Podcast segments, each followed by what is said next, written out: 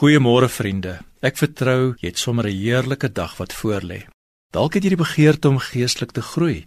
Ons praat hierdie hele week oor hoe ons geestelik kan groei, want ons doel is om Christus lief te hê bo alles. Dis belangrik om my lewe te orden rondom geestelike praktyke en gewoontes om by hierdie doel uit te kom. En so word my lewe hoe langer hoe meer getransformeer om 'n gawe te wees vir God en vir die mense om my. Die Griekse woord trellis help ons nogal om die kwessie van geestelike gewoontes te verstaan. 'n Trellis of 'n traliewerk is 'n belangrike hulpmiddel om 'n wingerd of ander plante te help om opwaarts te groei na die son toe, om te blom en vrugte dra.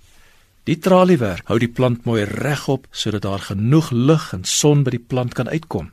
So werk geestelike gewoontes ook in my lewe sodat ek geestelik regop kan staan, sodat ek kan groei en floreer en kan blom en kan vrug dra. Dit help my om in Christus te leef en ook vir ander mense 'n gawe te wees van God. Daarvoor het ek 'n intentionele groeiplan nodig om my te help om God in die middelpunt van alles in my lewe te plaas, sodat ek sal onthou hy is die bron van my lewe. En daarom is dit so belangrik dat ek myself sal inoefen in 'n paar geestelike gewoontes wat koers en struktuur sal bied dat ek God in my daaglikse lewe sal onthou.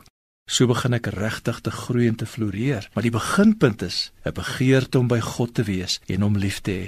En as hierdie begeerte nie in my hart is nie, dan gaan ek nie ver kom nie en daarom moet ek vra, Here, kom plaas daardie begeerte in my hart om regtig te groei en nader aan U te kom. Ons het mos almal baie planne van aksies. Ons het planne om fiks te word, om gewig te verloor, ons het eetgewoontes, ons het oggendroetines, aandroetines, Min mense het 'n plan om hulle geestelike lewe te ontwikkel. Ons het wel 'n onbewustelike reël, natuurlik gegrond op ons waardes en manier van doen. Ons gaan kerk toe so nou en dan dalk klein groep wat ons bywoon, diensgroepie waarby ek betrokke is, paar minute se bid miskien elke dag of Bybel lees. Maar is dit egter genoeg te midde van al die storms wat om ons woed op die oseaan van die lewe? Die gevaar van vervlou en afdwaal is regtig werklik.